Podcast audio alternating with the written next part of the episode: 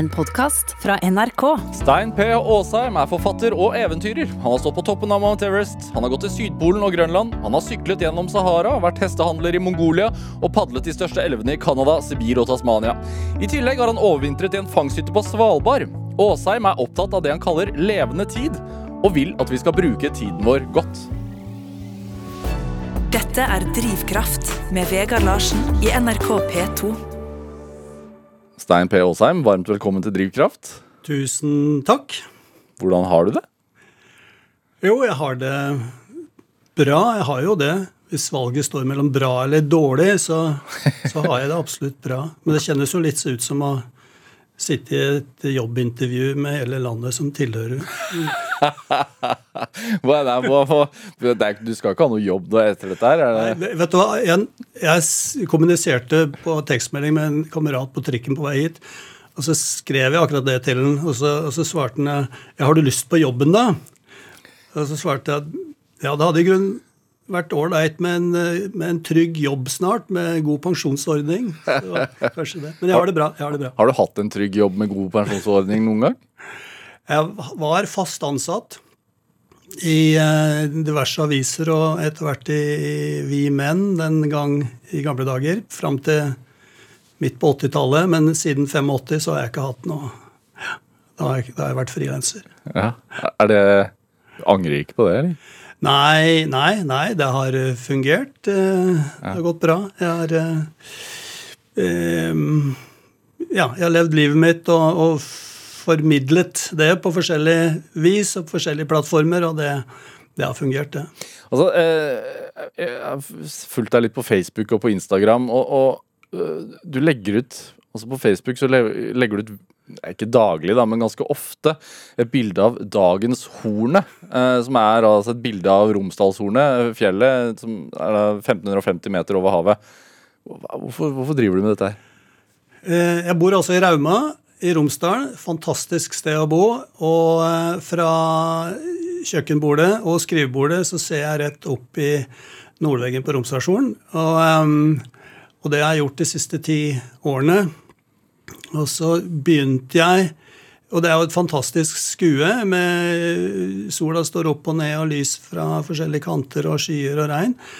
Og så begynte jeg å legge ut bilder av dette her romstasjonshorn som en slags sånn service til klatrevennene mine, som da skulle vite hvordan forholdene er i nordveggen på hornet akkurat nå.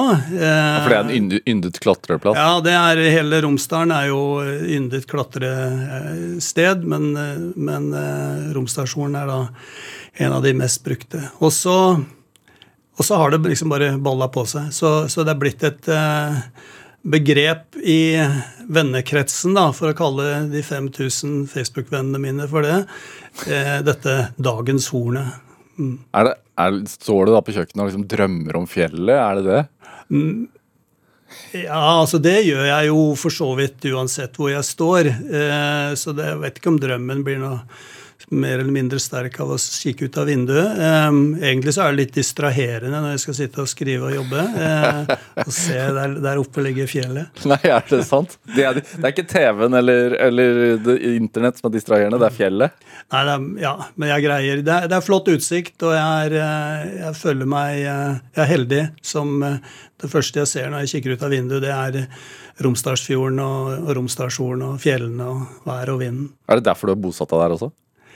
Ja, så Det er en kombinasjon av at det er eh, som går langt tilbake, eh, av at det er, eh, var fantastisk fine fjell i Romsdalen, og så møtte jeg en fantastisk flott kvinne.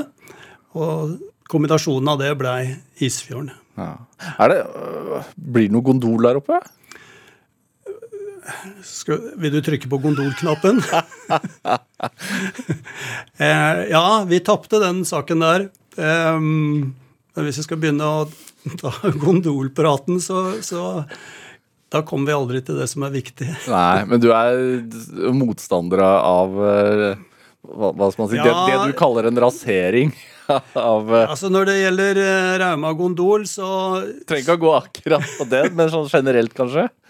Ja, Både generelt og pluss at uh, i Rauma så hadde vi Romsdals, eller har fortsatt Romsdalseggen, og hadde en helt unik mulighet til å, til å mm, bygge opp en, en uh, bærekraftig og naturvennlig opplevelsesturisme basert på, på fotturer, Romsdalseggen. Og så i stedet så har vi liksom solgt uh, turistnæringa til et uh, investeringsselskap basert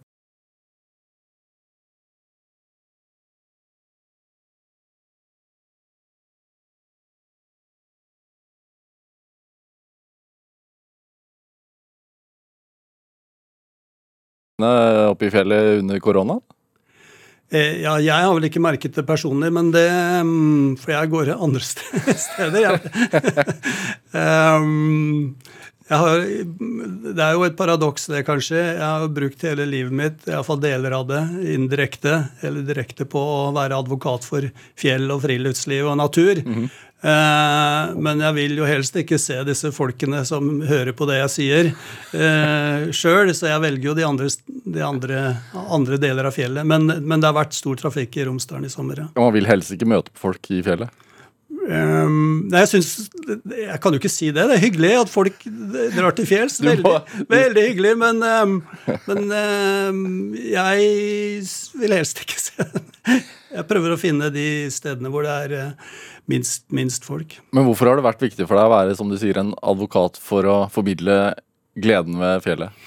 Nei, Fordi uh, fjell og friluftsliv har gitt meg enormt mye. Um, og jeg tenker at det er viktig å ta vare på fjellet, ta vare på, på naturen. Um, i, um, ja, i, i, sin, i, sin, helhet, eller i det store og hele. Og den beste garanti for det er at folk uh, blir glad i fjellet, glad i naturen, vet å verdsette det. Og da må de sjøl dra til fjells og, og oppleve det. Uh, jeg var med og tok initiativet til Norsk fjellfestival på, på Åndalsnes for 20 eh, år siden. Hva er det for noe?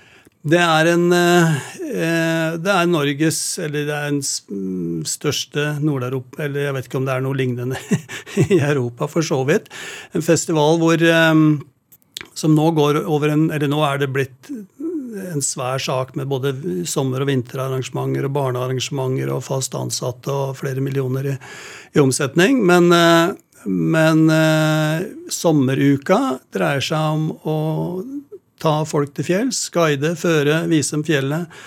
Eh, ha foredrag, konserter, kurs etc. En, en, sånn sosial uke med fjell og friluftsliv som, som den røde tråden. Hvorfor er det så viktig for deg at folk blir smittet av den basillen? Det har jeg akkurat svart på, ja.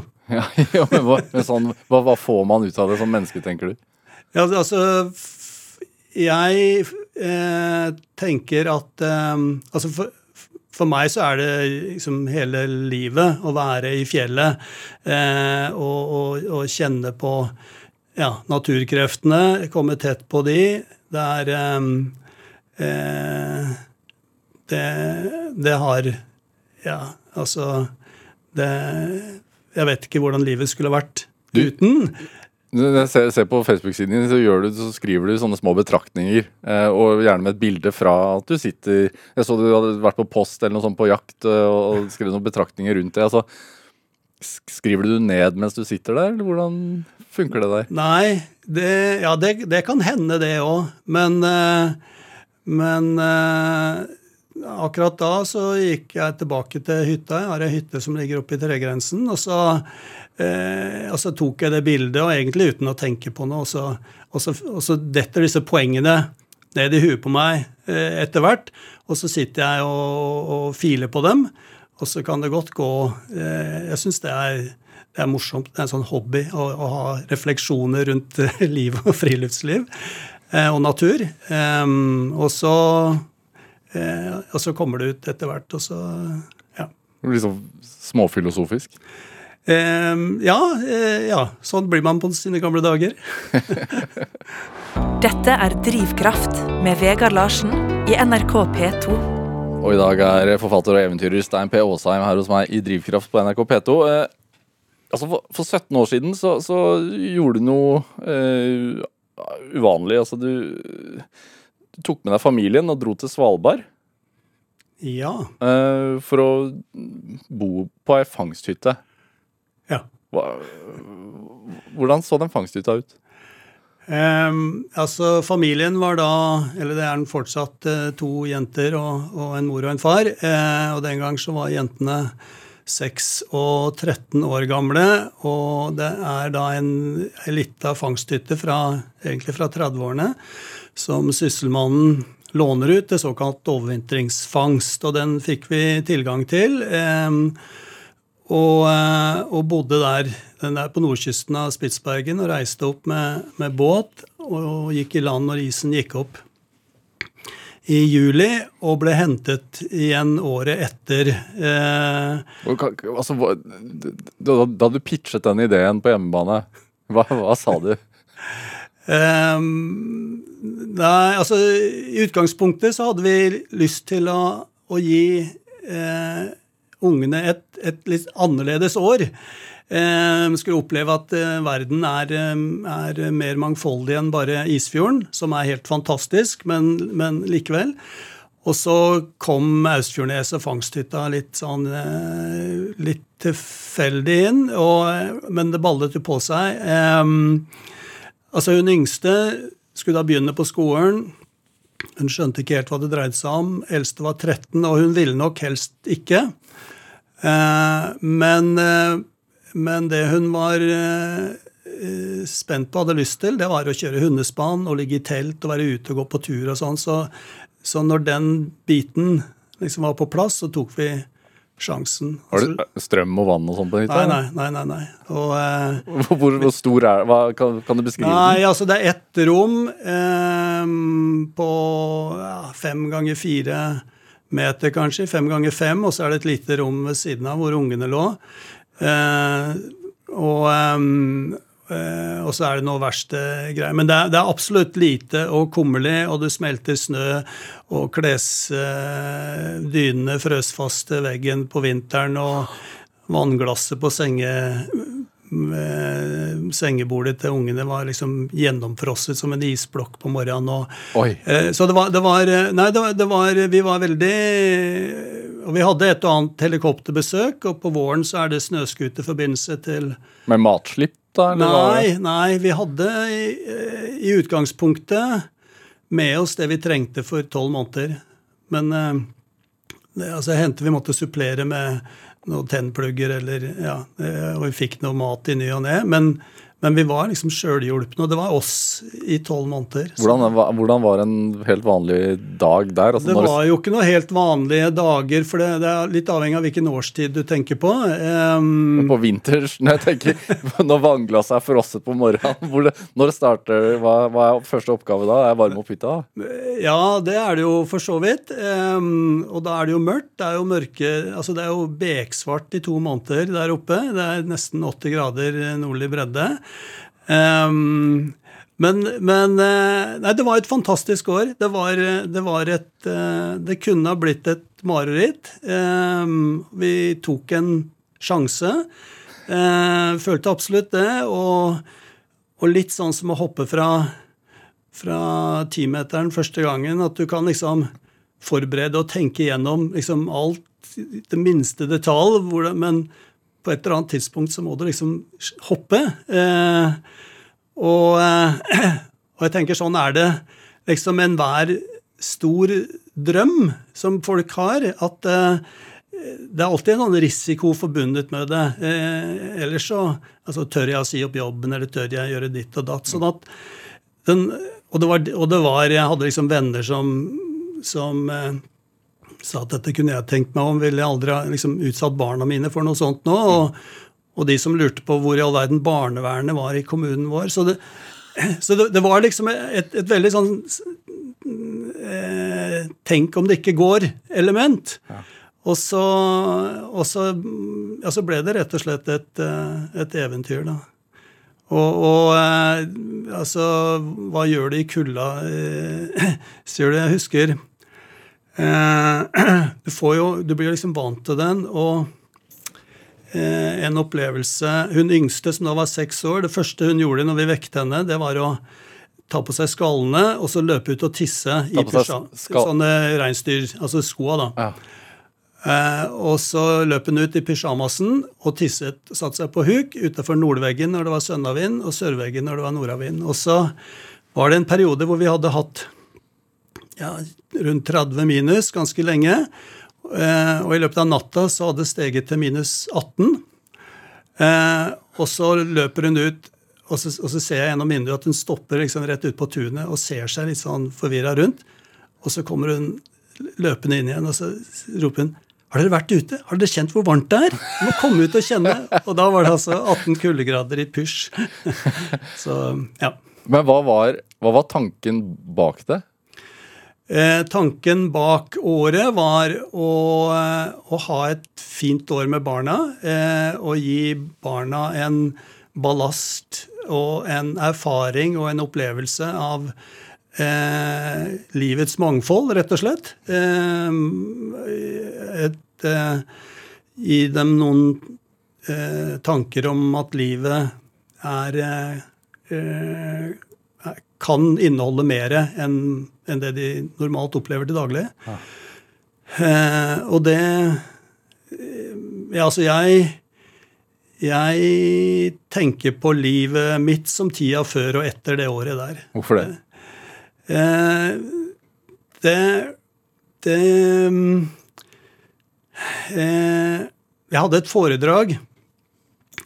Eller jeg har hatt mange foredrag, men etter et av disse foredragene dette året så kom det fram en kar eh, og lurte på eh, Han kommenterte bildene, opplevelsene, og sa det, det var jo det var fantastisk fine bilder, og skjønner at det har vært eh, flott år og en viktig opplevelse. Men, men, men, men har du noe annet igjen? Liksom, hva, hva opplevde du som kan ha overføringsverdi til resten av livet? Liksom? Hva, hva bortsett fra minnene? Altså, jeg husker ikke hva jeg svarte, jeg tror ikke jeg fant på noe godt å svare, men, men jeg tenkte masse på det etterpå. At han, han hadde liksom antagelig rett. Det var, det var minnene, liksom de gode minnene, som var det mest verdifulle vi satt igjen med.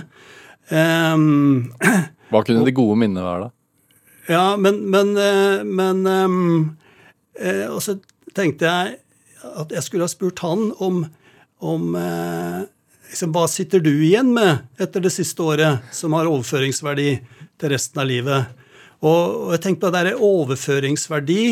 Altså hva, hva, og hva, hva er det som har verdi? Og, og når er det liksom opplevelser ikke hva, hva er sluttsummen, liksom? Når er det to streker under svaret?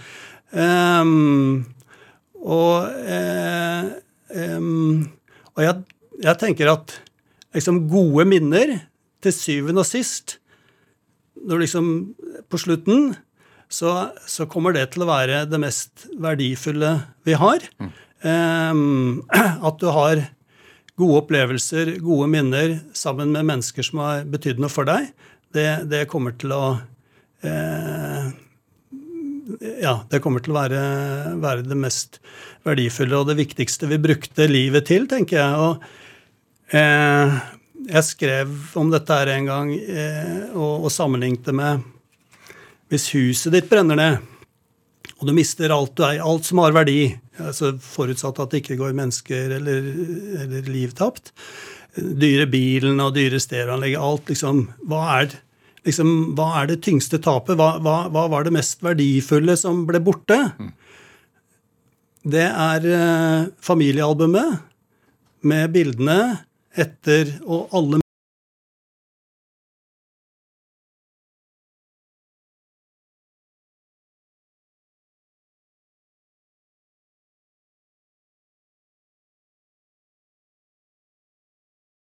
sentralt. Opplevde du at dere levde liksom mer hva skal man si, i nuet eh, det året? Ja, eh, i aller høyeste grad. Og det ehm, Men jeg kan, jeg kan uh, nyansere det litt, fordi uh, Altså, nuet, det, liksom, det har jo med tid å gjøre. Um, og det var et det var et år, og det var noe av det mest skjellsettende og liksom dyptgripende som skjedde iallfall med meg det året. Hvordan, hvordan jeg erfarte at liksom tiden altså, var helt annerledes. Og vi hadde, vi hadde aldri dårlig tid, men vi hadde ikke god tid heller. Og vi hadde masse gjøremål som vi ikke rakk. Så det, så det, det Men, men um, altså, vi snakker om at tida løper fra oss. Eh, og i den grad det gir et, liksom et riktig bilde av tida, så er da tida noe som beveger seg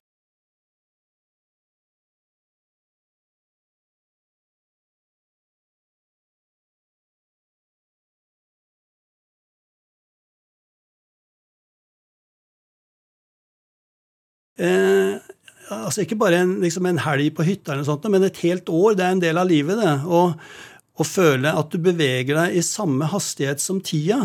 Eh, altså hele tida. Du er aldri på etterskudd, og det kjeder deg aldri. At, at det er mulig å finne et sånt rom. Eh, og at det, at det i det hele tatt lar seg gjøre, det, det det var eh, jeg hadde, ikke, jeg hadde liksom ikke reflektert over tanken og muligheten. Man kan jo velge å, å bli boende på det viset, da. Ja, altså jeg, jeg var eh, Jeg tenkte at her kunne jeg liksom Dette kunne jeg drevet med resten av livet. Ja.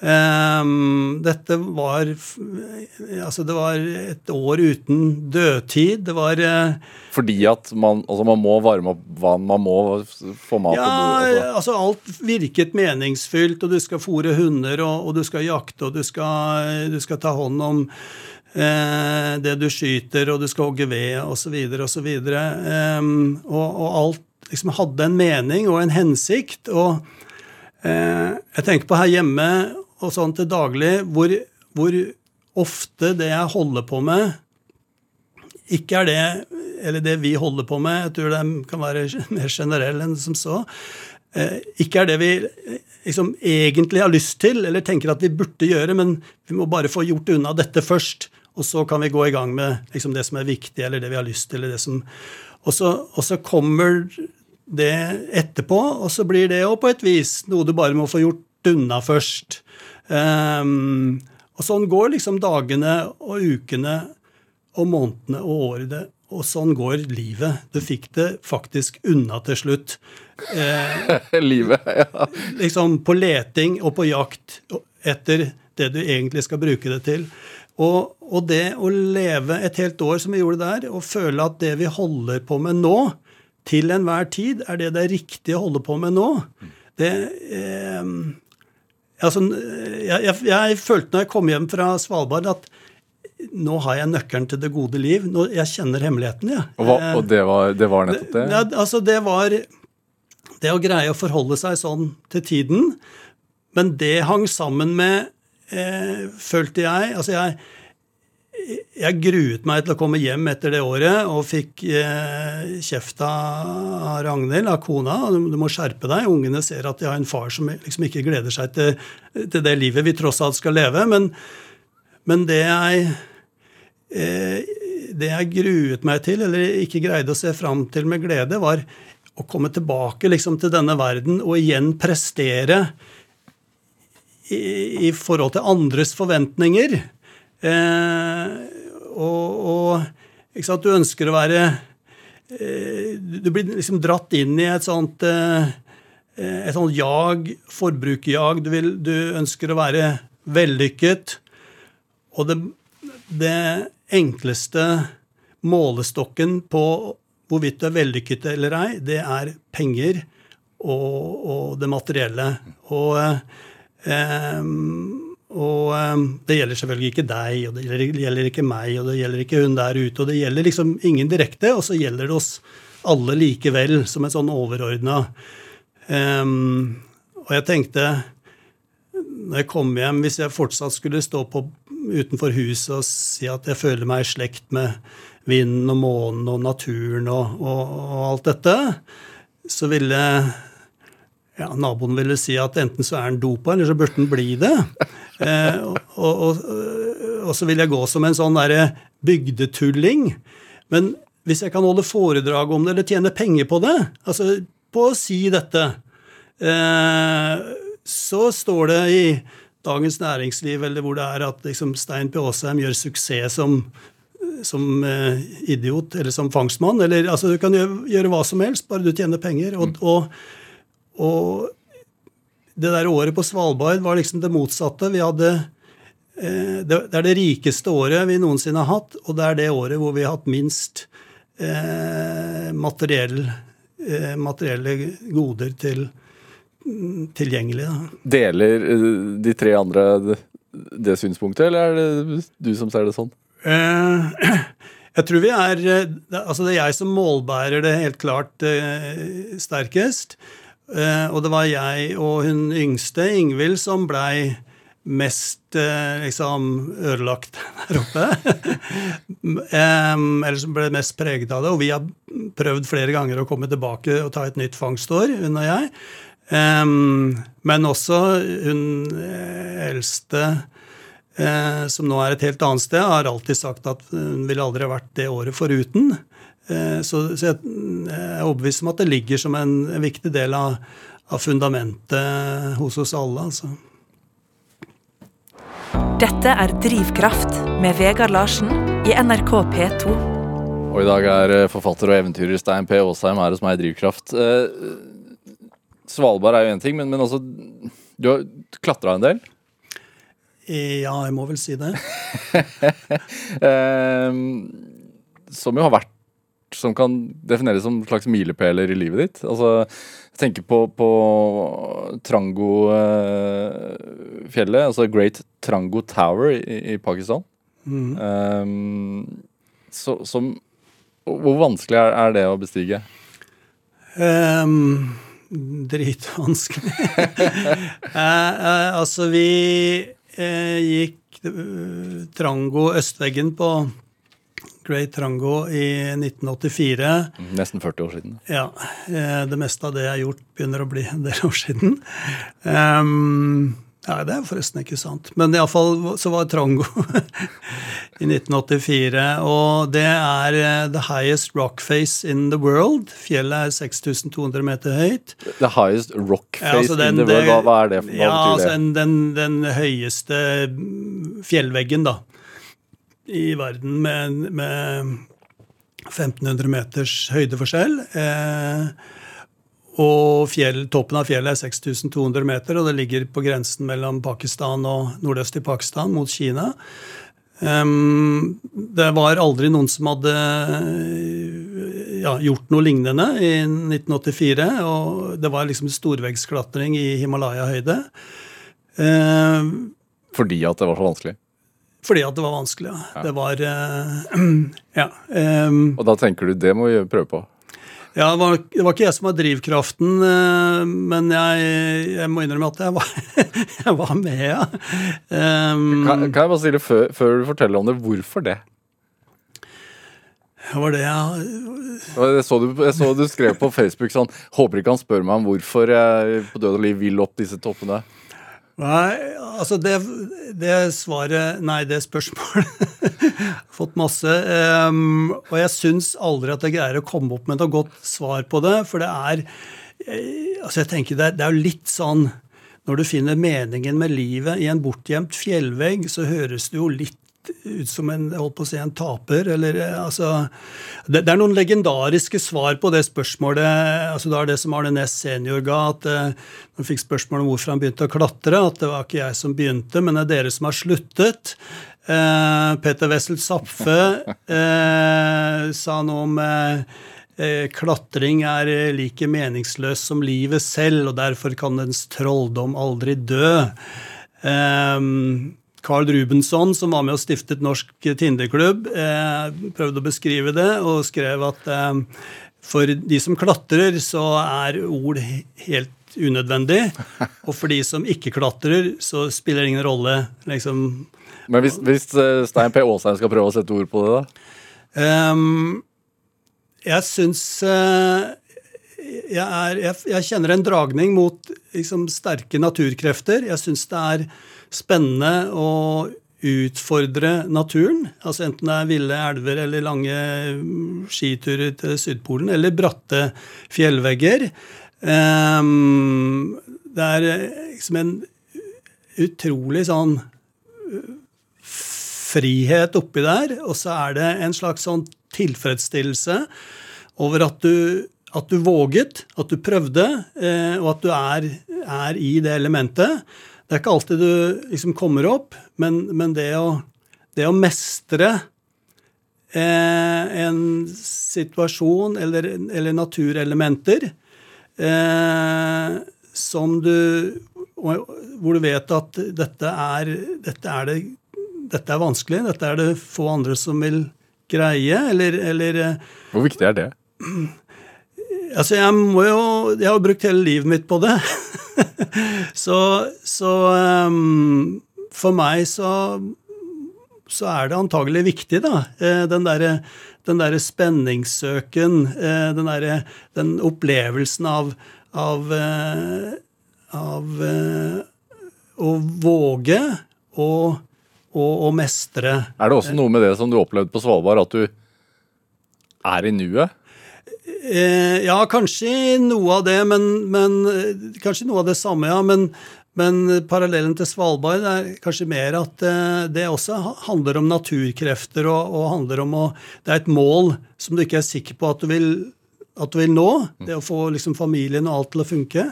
Og så er det spenningen knyttet til hvorvidt du greier det, og veien dit. Om det er en fjellvegg, så er det overheng og sånt. Og så den utrolige gleden eh, og, og, og, eh, ja, den styrken det gir, for det gjør det. Det er en slags sånn jeg håper å si, kraftoverføring fra naturkrefter til deg sjøl eh, når, når, du lykkes. Eh, men det er jo en sjanse for at du ikke gjør det. det som var resultatet med Trango? Ja, altså vi, vi, var fire kamerater. Vi hadde holdt på i 14 dager omtrent. Det var eh, altså jeg må jo, eh, kan jo føye til at eh, vi kom opp, og norskeruta på Trango er, er eh, legendarisk i dag. The Norwegian Route eh, er mm, liksom en av de store Eh, milepælene i Himalaya-klatring. Men tre fjerdedeler oppi der så skjønte vi at vi hadde ikke, vi gikk tom for mat. Eh, så vi ble enige om å dele oss. Dag og jeg returnerte ned, brukte to dager ned eh, den ruta vi hadde gått. Og så fikk Finn og Hans Christian resten av maten og skulle prøve å nå toppen. da. Og fra basecamp så kunne vi se at en uke seinere så var de oppe. Eh, men begge ble borte på returen på vei ned. De omkom. Og ble aldri funnet. Eh, så, så ja, det, det, var jo Altså, triumfen forsvant fullstendig i, tragedien. Um, hva, hva, altså, da Du sa med Dag Kolsrud i Basecamp. Hva, gjør, hva gjør det med dere da, når de, de kommer ikke? Eh, sånn i, umiddelbart så handler du sånn rasjonelt, og, du, og vi fikk hjelp av det pakistanske fly, eller med helikopter fra militæret, som vi fløy inn og så etter dem. Og det var en, en redningsoperasjon som, som ble, ikke ble vellykket. Eller var, det var åpenbart at de hadde ramla og, og omkommet umiddelbart. Um, så, så, da handler du litt sånn på autopilot i den første tida, og så, eh, og så synker det inn. Eh, og, og blei ja, veldig tungt. Um, så det gikk, det gikk 20 år før jeg begynte å snakke om Trango. Altså Nå kan jeg holde foredrag om det, eller jeg inkluderer det i foredragene mine, men men det, det, tok 20 år før jeg fikk meg til å liksom prate om det, sånn som, ja, sånn som jeg gjør nå. Hvorfor det? Jeg syns det, eh, det, var vanskelig. Det var liksom de beste vennene mine. Um, og, og jeg, jeg, det å holde foredrag og, og, liksom skulle bruke den ulykken som en slags sånn eh, trekkplaster til en scenepresentasjon blei helt eh, Ja, det, jeg fikk ikke til det. Men er det en del av regnestykket man gjør på forhånd, at det er prosentsjanse for at det kan gå galt? Nei, det er det absolutt ikke. Eh, det er jo, det er jo eh, Du skjønner jo at det er farlig, eh, og, og, det er en del av, av eh, ja, det er en del av pakka, for å bruke det uttrykket, og en del av utfordringen og en del av det som òg er dragningen. Mm. Eh, men du gjør jo alt du kan for å redusere risiko og fare. Men det er klart, liksom, det skjer likevel på en arena som i utgangspunktet er farlig. Eh, eh, så, så du, og du tenker alltid som når du kjører bil eller hva annet du måtte gjøre, at dette kommer ikke til å skje meg eller skje oss fordi vi er så godt forberedt osv. Um, men um, Nei, så det, det var uh, Jeg syns det var vanskelig. Er det, er det det at du da likevel fortsetter å bestige topper, er det Måtte du Satt det langt inne, eller var det en selvfølge for deg? Nei, det satt ikke langt inne i det hele tatt. Og det og, og, eh, For det er liksom vanskelig å skjønne når man ja. mister noen som står en veldig nær, og så tenker man likevel at nei, ja ja, Mount Everest ligger jo der. Ja. Nei, Vi var på Everest året etter, og begge de to som omkom, skulle ha vært på Everest-laget. Eh, og det forstår jeg at folk ikke forstår det. Eh, og, og, rister oppgitt på huet og lurer på altså Her har du mistet dine nærmeste venner, og så, og så fortsetter du å klatre som om ingenting har skjedd? Liksom, hva, hva, i all verden liksom, skjer mellom øra dine? Um, og nå er ikke det sant. Jeg fortsetter ikke å klatre som om ingenting hadde skjedd. På ingen måte. Men, men jeg fortsetter å klatre, det er riktig. Uh, og det, det er um, Jeg greier ikke å gi noe bedre svar enn at altså, sånn er jeg skrudd sammen. Det er det livet i fjellet som jeg elsker, og som betyr eh, Ja, det er meg. Eh, og det ble ikke noe farligere av at jeg eh, mistet to nære venner. Så jeg gjorde nok ikke noe med, med, med risikonivået på aktivitetene mine før jeg, ja, før jeg fikk barn. da måtte du tenke på Nei, ikke, andre. Ja, måtte og måtte. Altså, jeg klatrer jo fortsatt, men, men da, da, ble det helt andre prioriteringer i, i, livet. Absolutt. Er det, altså, Du har jo gjort andre ting enn å klatret også. Du har sittet mye på hesteryggen. Ridd mongolske hester, blant annet. Og, og, og søkt etter de eventyrene man bare har lest om, kanskje? Hvorfor, hvorfor det? Um, fordi jeg er nysgjerrig. Eh, noen ganger så, så, tenker jeg på livet som en korridor.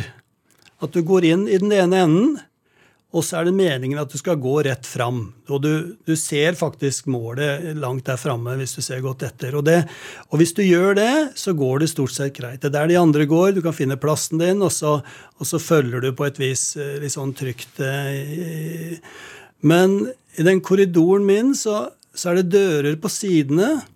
Og på de dørene så står det Everest og Trango og Trollveggen og alt dette her som er farlig, men som òg er liksom drømmer. Og jeg skjønner det er ikke meningen at jeg skal ut dit. Det er, det er, ikke bra, det er ikke der hovedveien går. Men jeg må bare Jeg tar den avstikkeren og jeg er liksom nysgjerrig på hva som er bak den døra. Um, og, og, sånn, og så er det en ny dør, og så er det Og, um, og jeg tenker eh, Det hender jeg får spørsmål da, om jeg vil at barna mine skal liksom følge mine fotspor. Og det har jeg virkelig ikke noe, ikke noe sterkt ønske om. Um, men jeg håper at den der nysgjerrigheten som tross alt ligger i bånn her, den der lysten til å finne ut Finne ut hva? Ja, bare finne ut om det går an å komme på toppen av fjellet, om det går an å gå til Sydpolen, om det går an å bo et år på Svalbard eh, uten tanke på å oppnå noe annet. Uten annen grunn enn liksom bare finne ut om det er mulig. Bare lyst til å, til å krysse noen barrierer og grenser og, og, og komme, gå inn i liksom ikke kartlagt land. Mm.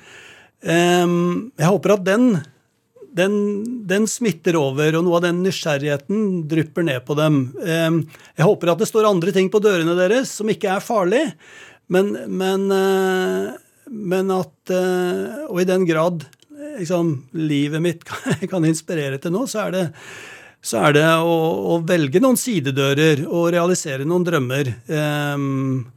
Og, og, kanskje mer hva skal jeg si, meningsfylte ting enn å bestige fjellvegger. Ja, altså Rett og slett være ærlig med seg selv at liksom, med tankene sine at det, det, det, er et godt liv for meg, og derfor så gjør jeg det?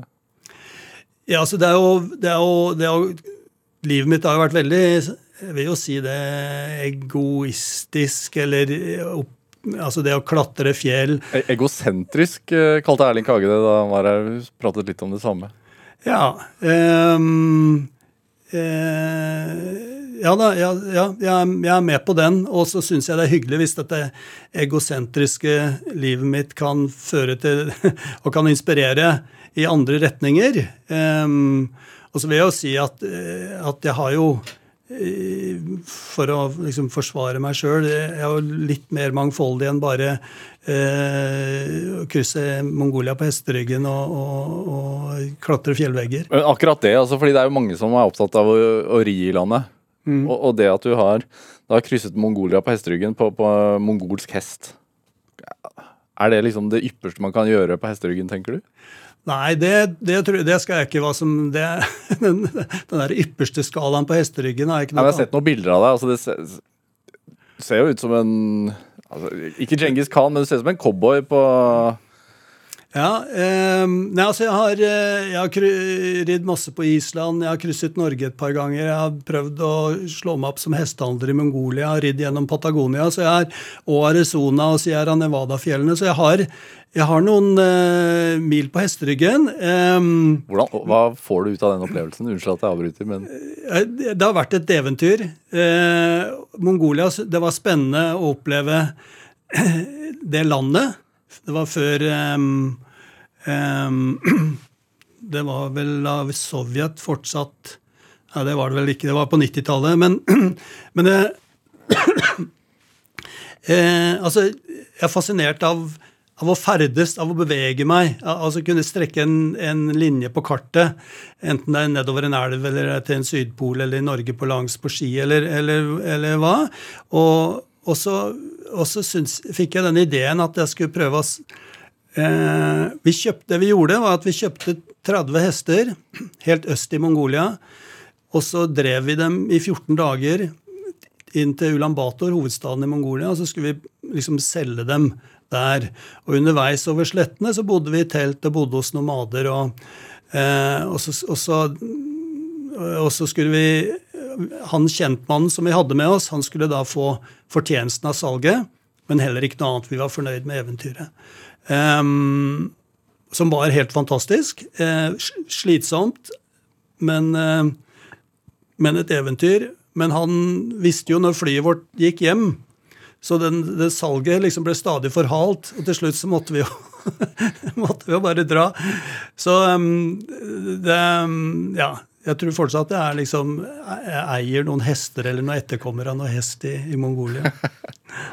Dette er Drivkraft med Vegard Larsen i NRK P2. Og i dag er eh, forfatter og eventyrer Stein P. Aasheim er hos meg i Drivkraft på, på NRK P2. Altså, hvor, hvor, er du fra, egentlig? Jeg er født i Trysil. Ja. Hva, hva, hva, er det i din oppvekst som tilsier denne eventyrlysten? Ingenting. Ingenting? Um, Hvordan var barndomshjemmet, da? Nei, Vi var mye på tur. Det var vi. På sånne vanlige turer, moren og faren min. Um, og jeg har en bror som er tre år yngre enn meg. Um, men uh, og, og, natur og ferdes ute har Det må være noe sånn genetisk. Uh, første gang jeg lå ute i skogen alene, var jeg elleve år.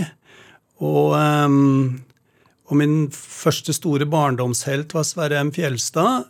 Og jeg, jeg trente på å liksom gå like stille i skogen som Sverre M. Fjelstad. Hvem er Fjelstad, for de som ikke vet det? Sverre M. Fjelstad var um, den som begynte med naturprogrammer i, uh, i fjernsynet. Og han, uh, han uh, gikk rundt i skogen og, og, så på dyr og fugler. Datidens Monsen? Datidens Monsen, men med vekt på, på dyreliv. Um, og, og, han hadde Nå skal jeg fortelle en, en, historie, fordi det du ikke har spurt om, er hvor den P-en i navnet mitt kommer fra. Det får jeg ofte også spørsmål om. Og nå skal du få vite det. Um, fordi Sverre M. Fjelstad han hadde da en spalte i aftennummeret i Aftenposten den gang, hvor han lagde tegninger av fugler og dyr. og så sto det tekst og tegning Sverre M. Fjelstad. Uh, og det første jeg noensinne skrev, det var en, en liten artikkel om ringdua. For jeg hadde funnet et ringduerede. Og det er det ikke mange som har gjort. Har du, f.eks.? Nei. Nei. Eh, og så skrev jeg om ringdua til Østlands Blad på Ski, som kom ut to ganger i uka den gang. Eh, og mellomnavnet mitt er Peter, som jeg aldri hadde brukt og knapt visste at jeg hadde. Men da skrev jeg tekst og tegning Stein P. Aasheim, som liksom var det nærmeste jeg kom Sverre M. Fjelstad. Og siden har det vært med meg. Siden har det vært med deg, ja. Men er det altså du, Ingenting i din oppvekst trygget trigget eventyrlysten, men altså var det, var ikke noe eventyr i familien, da? Nei, vi eh, Da jeg var fem år, så flyttet vi fra Trysil til USA. Og bodde der i fem år. Så det var jo, en, det var jo eventyrlyst, for så vidt. Eh, Hvorfor det? Nei, foreldrene mine hadde nok et ønske om å eh, ja, Amerika var det forjettede land, og det var muligheter, og det var spennende, og vi skulle liksom komme oss ut fra Trysil.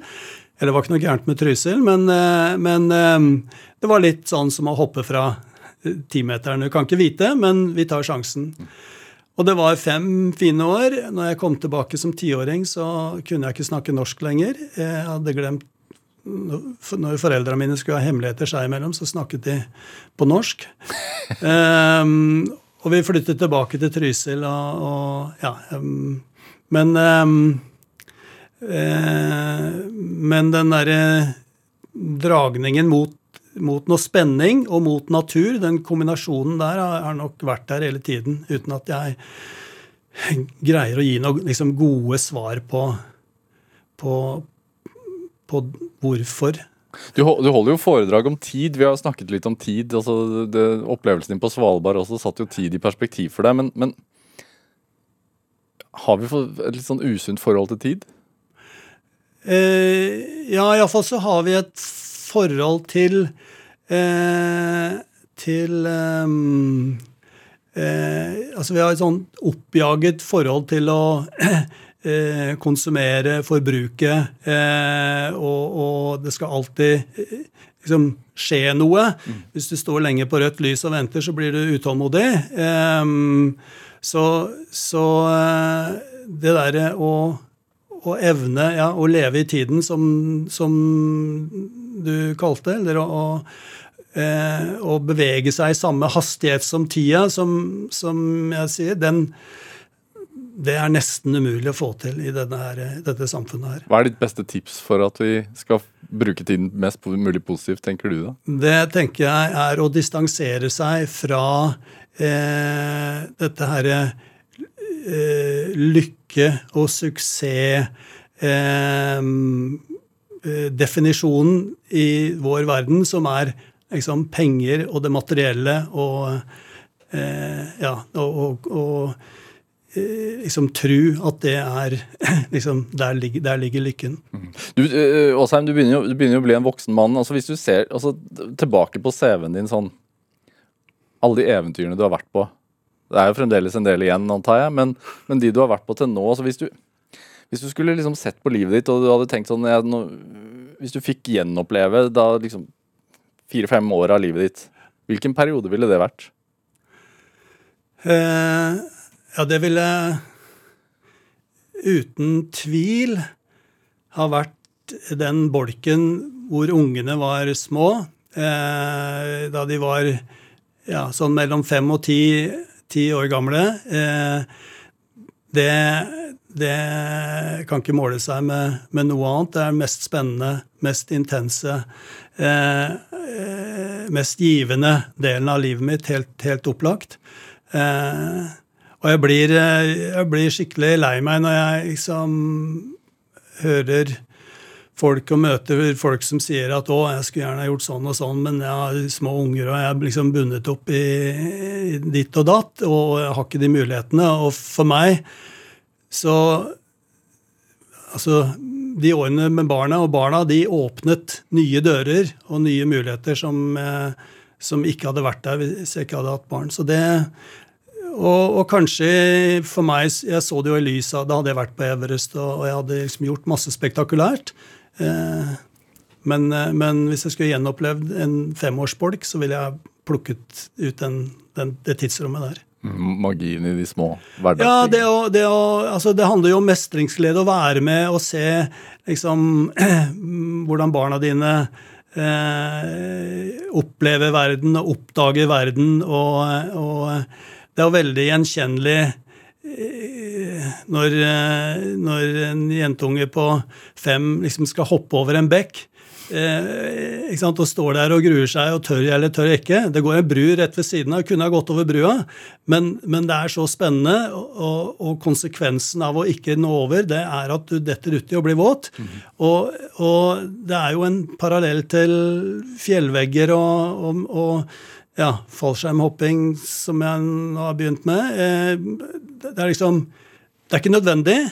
Eh, du behøver ikke å hoppe over elva. Du kan gå rundt, men, men den derre utrolige eh, kongefølelsen eller mestringsgleden og seieren og Jeg torde, og jeg greide det. Dette er Drivkraft med Vegard Larsen i NRK P2. Og i dag er eh, eventyrer Stein P. Aasheim her hos meg i Drivkraft på P2. Altså Du hoppa i fallskjerm i sommer? ja. Eh, for første gang? Eh, ja, omtrent. Um, var, det, var, det, en ny liksom, var det en ny fjelltopp å bestige? Jeg har, jeg har alltid tenkt at det Jeg får jo spørsmål liksom, du som driver med alt eh, du hopper vel fallskjerm òg. Og jeg tenkt at det kan jeg vente meg til jeg liksom blir så gammel at jeg ikke, at jeg ikke orker å gå på disse fjellene. og, og liksom Å hvelve seg ut av ei flydør, det, det, krever jo enda mindre enn å spille golf, liksom. Um, og så fikk jeg vite i fjor at uh, du får ikke lov å hoppe etter at du har fylt 70 pga. sånne forsikringsregler, med mindre du har uh, liksom, masse lisenser og drøssevis med hopp. Og jeg blir 70 da neste år, så hvis jeg noensinne skulle bli fallskjermhopper, så var dette siste sjans. Så jeg meldte meg på et kurs i juni sammen med en haug med sånne småunger i 20-årene. Og, uh, og, det, og, det, er et sånt kurs hvor um, hvor eh, allerede første hoppet er 60 sekunder med fritt fall, og du hopper ut med to instruktører. Og, og hvis du følger normal progresjon, så hopper du aleine på det åttende hoppet. Så det er eh, eh, og jeg fikk ikke til dette. Jeg, de slapp meg, jeg mista kontrollen, de mista tak i meg, disse instruktørene. Jeg flagra av gårde. Jeg ble sendt fra den ene instruktøren til den andre. Kan ikke du prøve å få skikk på den her? Han er helt håpløs. Jeg, I luften? I lufta, i fritt fall i lufta. Eh, eh, og jeg skjønte ikke, jeg greide ikke å ligge stabilt, da, som det heter. Og skjønte ikke hvorfor, og instruktørene skjønte ikke hvorfor. Og jeg ble liksom sendt tilbake til sånn sånn eh, vindtunnel på Gardermoen. liksom prøv, prøv, der. Og jeg tror de håpet at jeg ikke skulle komme tilbake.